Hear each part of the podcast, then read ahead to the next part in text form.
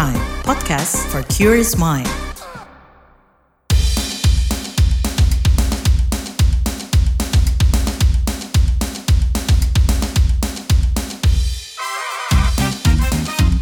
What's Trending KBR Pagi, siaran pagi radio paling update.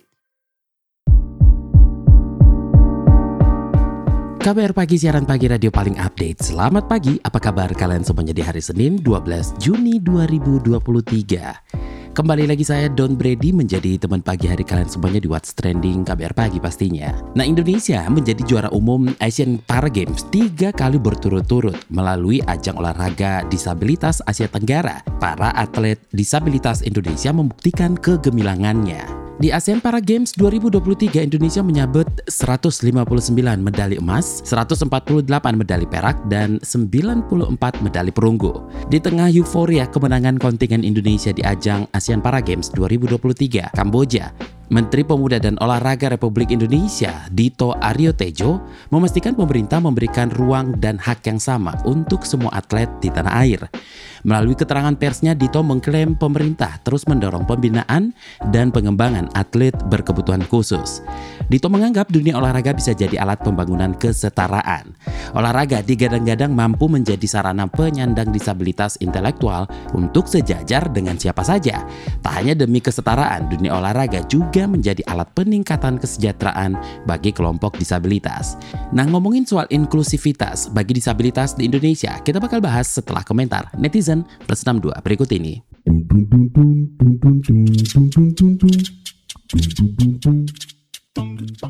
Pertama, Ed Jokowi, 159 medali emas, 148 perak, dan 94 perunggu. Inilah perolehan medali kontingen Indonesia di ASEAN Para Games 2023 di Kamboja yang berakhir Jumat 9 Juni dan menempatkan Indonesia sebagai juara umum. Indonesia telah juara umum tiga kali beruntun dalam tiga ASEAN Para Games terakhir. At Metaverse XX, I love you Indonesiaku. At Noptes XX, terima kasih para atlet, kalian telah membanggakan negara Indonesia tercinta. At Kusuma XX, Setidaknya ada optimisme atau harapan bagi para disabilitas untuk berkarya bagi bangsa dan negara. Apalagi kalau untuk official dan lain-lain juga mengikut sertakan mereka-mereka yang tidak berbakat menjadi atlet. Kalau at Rahmat XX mencuit, amazing. Terima kasih para atlet para games yang berjuang di ASEAN Para Games Kamboja. Semoga Tuhan Yang Maha Esa memberikan balasan terbaiknya untuk kalian yang berjuang mengharumkan nama bangsa. At Hukum XX Meskipun ada undang-undang tentang penyandang disabilitas, pada kenyataannya penyandang disabilitas masih sering mengalami diskriminasi seharusnya dengan regulasi yang menjadi jaminan agar terhindar dari segala bentuk ketidakadilan, kekerasan, dan diskriminasi. Nah, Ed mau kayak XX, pengen banget punya usaha abis itu bisa buka lowongan buat orang-orang disabilitas. Aku jadi saksi gimana anak-anak tuli susah banget cari kerja. Nemenin mereka prepare mulai dari SKCK, surat sehat, gimana caranya chat yang sopan, dan nunjukin kalau mereka itu yang butuh kerjaan, bukan kerjaan yang butuh mereka. Yang terakhir, at Aviva XX. FYI, setiap perusahaan memang diwajibkan untuk memiliki minimal 1% karyawan yang disabilitas disabilitas. Ini diatur dalam undang-undang kok dengan maksud agar perusahaan menjadi inklusif dan tidak diskriminasi.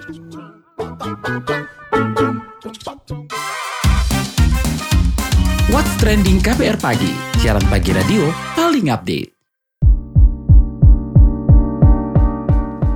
Kita lanjutkan obrolan kita pagi ini. Nah, seperti apa prestasi atlet disabilitas di ASEAN Para Games 2023? Lalu seberapa besar sih apresiasi dari pemerintah? Mari kita simak pemaparan dari Menteri Pemuda dan Olahraga Dito Aryo Tejo di Istana Kepresidenan 5 Juni 2023. Indonesia mendapatkan kembali predikat juara umum untuk dan perolehan ini adalah hebat karena kita tidak hanya terbanyak di medali emas tapi untuk silver dan perunggu perolehan kita juga terbanyak. Jadi ini juara umum yang paripurna, benar-benar paripurna. Dan dalam perhelatan para Asian Games 2023, tim Indonesia juga memecah rekor sebanyak 15 nomor. Empat nomor disumbangkan dari para powerlifting, dan 11 nomor dari para swimming. Ini suatu lonjakan yang sangat hebat dan sangat membanggakan bagi perkembangan Paralimpik untuk Indonesia.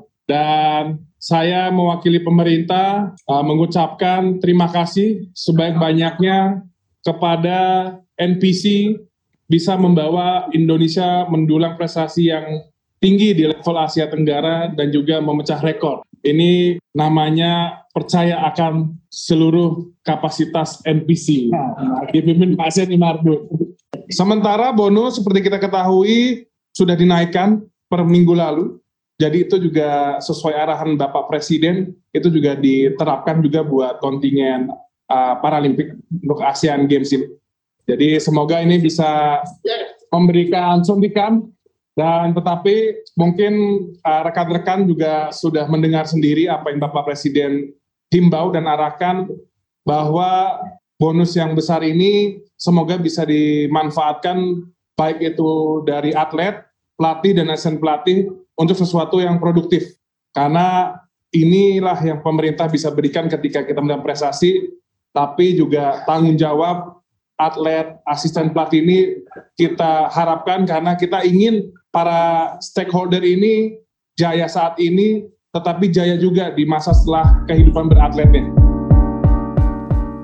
Sementara itu, di tengah gemilangnya prestasi atlet disabilitas, juru bicara DPD Perkumpulan Penyandang Disabilitas Indonesia DKI Jakarta, Aulia Amin mengungkap masih rendahnya perhatian pemerintah dan kurangnya fasilitas bagi atlet-atlet disabilitas. Aulia mengatakan pemerataan pelatihan terhadap bibit-bibit atlet disabilitas juga masih rendah, apalagi kalau menengok soal pembangunan-pembangunan secara umum. Lebih lengkap kita simak penuturan jubir PPDI DKI Jakarta, Aulia Amin kepada KBR berikut ini atlet disabilitas menjadi juara umum di ASEAN, tahu saya ini bukan hal yang bukan pertama kali. Pencapaian luar biasa seperti ini, kalau kita bilang bisa terus berkelanjutan, mungkin bisa karena memang animo dari penyandang disabilitas sendiri untuk bisa berprestasi di jalur olahraga itu memang tinggi selama juga memang dukungan pemerintah juga konsisten gitu. Penyandang disabilitas itu kan memang harus kita akui memang tertinggal atau ditinggalkan statusnya di Indonesia dalam hal menikmati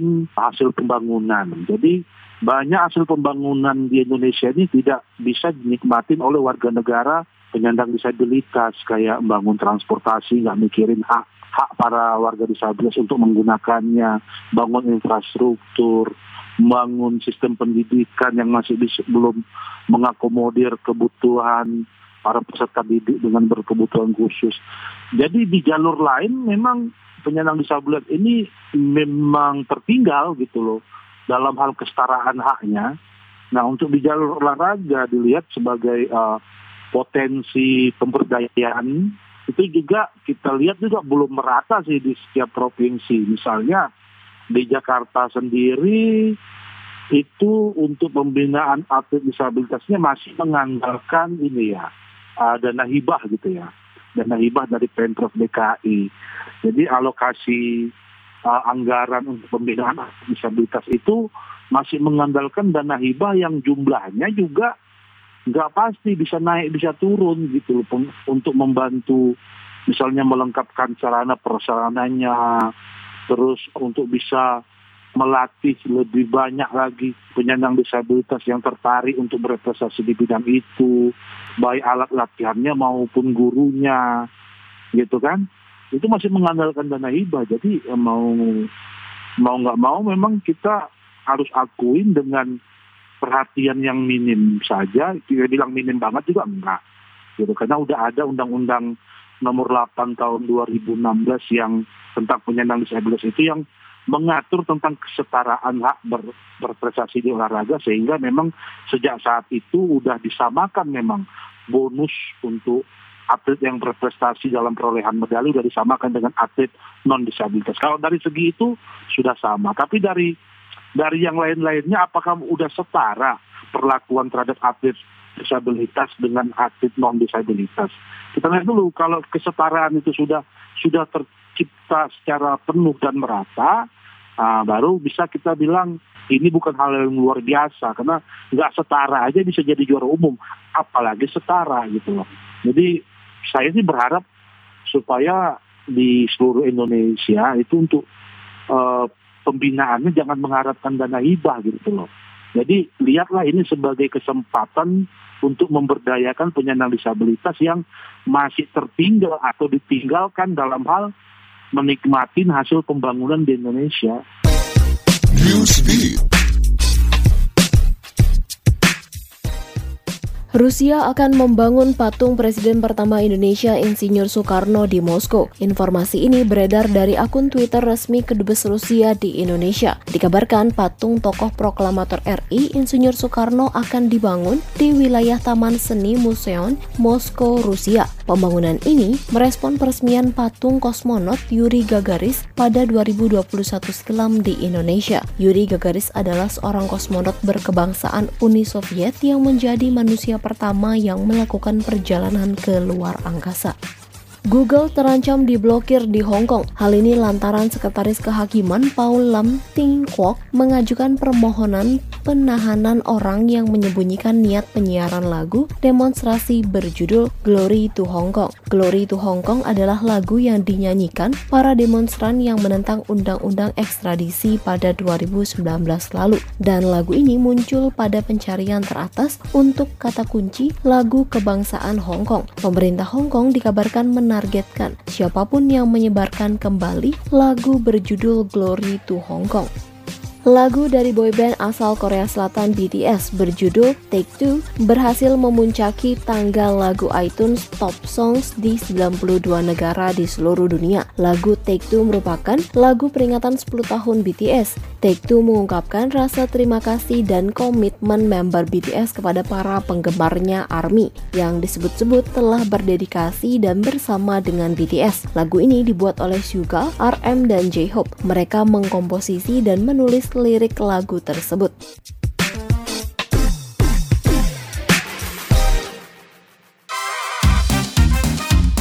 What's Trending KPR Pagi, siaran pagi radio paling update.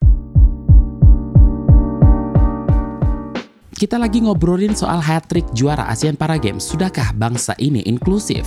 Di tengah kesuksesan para atlet disabilitas mengharumkan nama bangsa dengan tiga kali berturut-turut sahabat juara umum di ajang ASEAN Para Games, kita mau soroti soal kesempatan bagi kelompok disabilitas di Indonesia untuk bekerja, berkarya, maupun berusaha. Berdasarkan data dari Badan Pusat Statistik per tahun 2021, jumlah pekerja formal disabilitas di Indonesia sebesar 7,04 juta orang atau 5,37 persen dari total penduduk yang bekerja.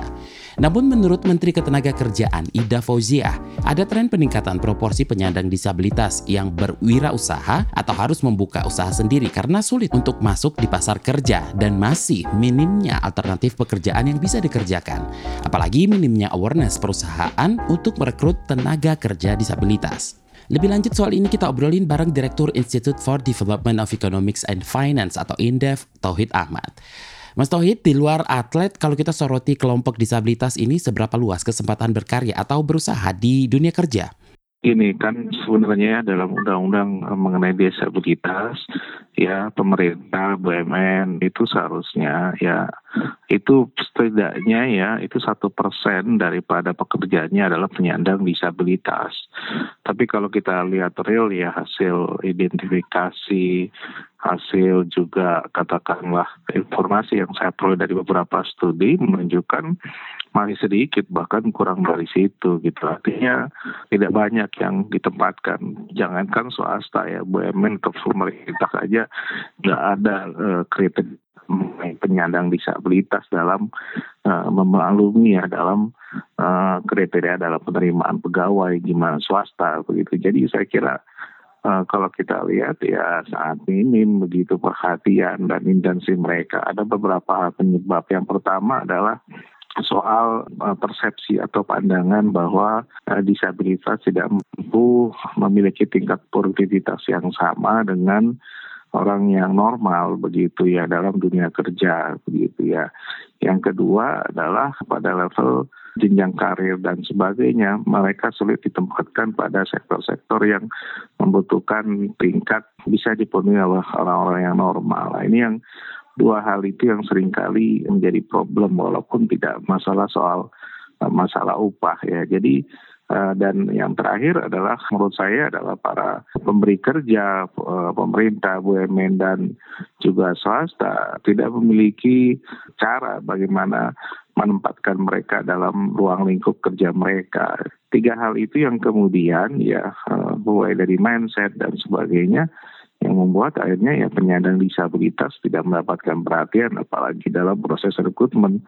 Walaupun undang-undang sudah menitipkan satu persen itu harusnya sudah mereka bisa diterima begitu. Kita kan banyak kasus karena beberapa kekurangan akhirnya tidak masuk begitu mas. Disabilitas kalau berwirausaha bagaimana peluangnya bersaing? Cukupkah support dari pemerintah kalau di berusaha kan tidak begini ya. Kalau berusaha kan tidak pemerintah tidak ada pengecualian khusus UMKM penyandang disabilitas nggak ada begitu ya.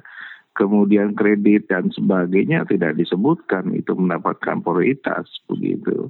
Menurut saya kan disabilitas itu bekerja di sektor UMKM atau informal karena mereka terpaksa.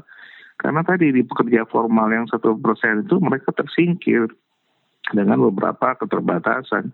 Apalagi begini, penyandang disabilitas yang berasal dari kelompok menengah bawah ya tidak memiliki akses untuk meningkatkan kapasitasnya begitu ya. Kalau yang memiliki kapasitas mulai dari kemampuan menulis, membaca, kemudian mendengarkan perintah, kemudian katakanlah uh, memiliki keterampilan teknis, ya, itu kan bagi para penyandang disabilitas yang uh, tadi ya, yang memang memiliki akses untuk kependidikan, kesehatan dan sebagainya.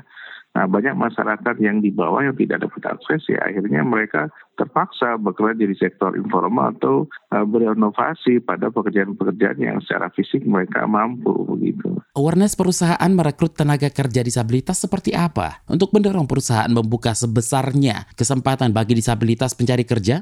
Ada, ada tapi nggak banyak ya, ada ya. Tapi mereka tidak ditempatkan pada posisi yang punya resiko terhadap keberlangsungan perusahaan, tapi memang ada pekerjaan tertentu yang mereka eh, memungkinkan bisa dilakukan ya. Ya banyak kasus lah perusahaan-perusahaan besar mereka sudah terima, tapi memang tidak banyak begitu ya, eh, terutama ya karena tadi persoalannya adalah yang dibutuhkan perusahaan banyak yang skill labor ketimbang yang unskill. Nah yang skill labor ini yang banyak tidak dipenuhi oleh para disabilitas risikonya seperti itu gitu. Terbatas lah begitu ya rata-rata disabilitas ya saya pernah begitu ya. Di rumah sakit ya eh, mereka tenaga administrasi begitu. Saya bekerjakan sendiri bisa memungkinkan begitu ya.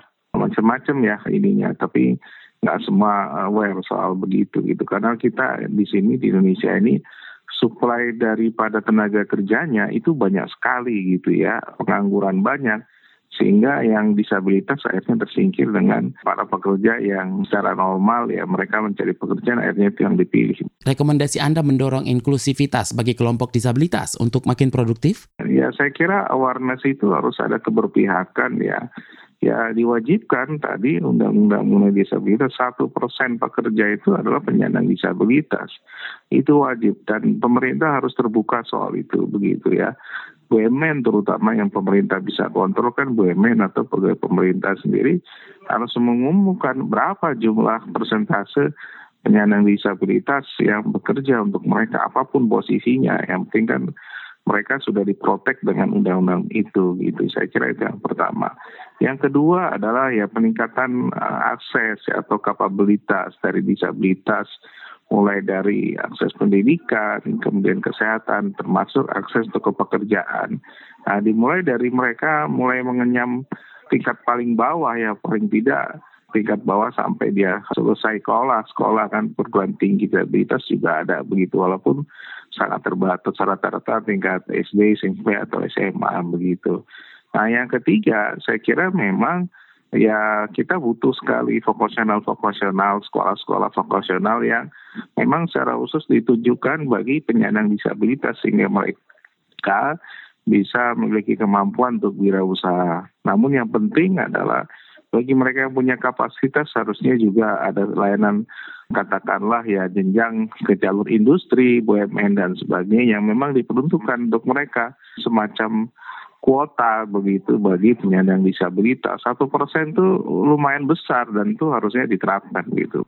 Jangan sampai mereka kan lada disabilitas apa pun bentuknya, baik fisik ya tunarungu dan sebagainya. Tapi kalau di demandnya nggak dibentuk, ya mereka akhirnya kerjanya informal terus kan. Terima kasih Direktur Eksekutif Indef, Tauhid Ahmad.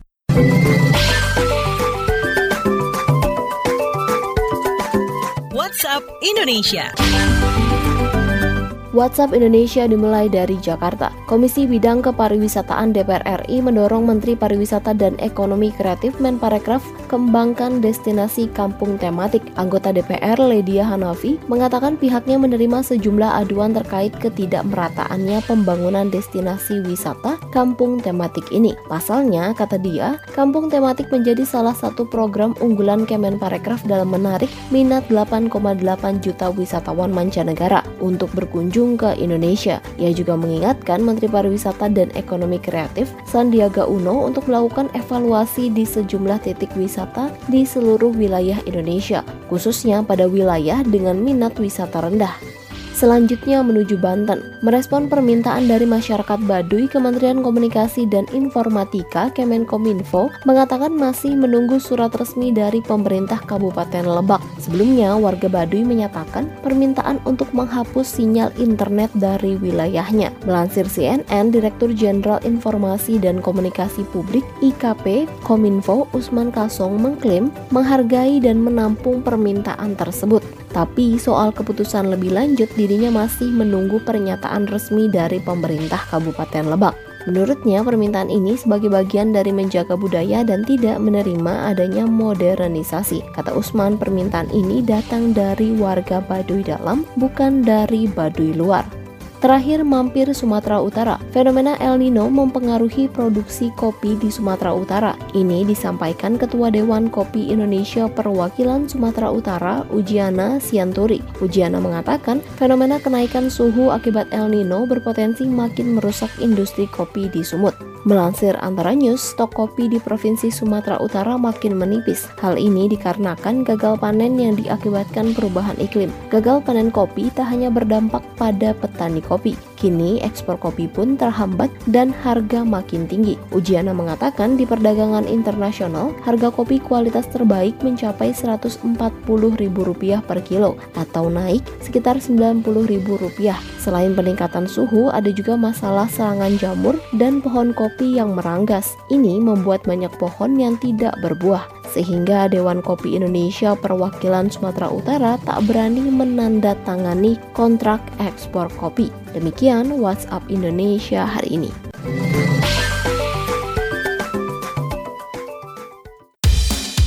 Terima kasih sudah mendengarkan What's Trending KBR Pagi. Tetap dengarkan podcast What's Trending di kbrprime.id dan di aplikasi mendengarkan podcast lainnya. Don't beri pamit, besok kita ketemu lagi. Stay safe, bye-bye.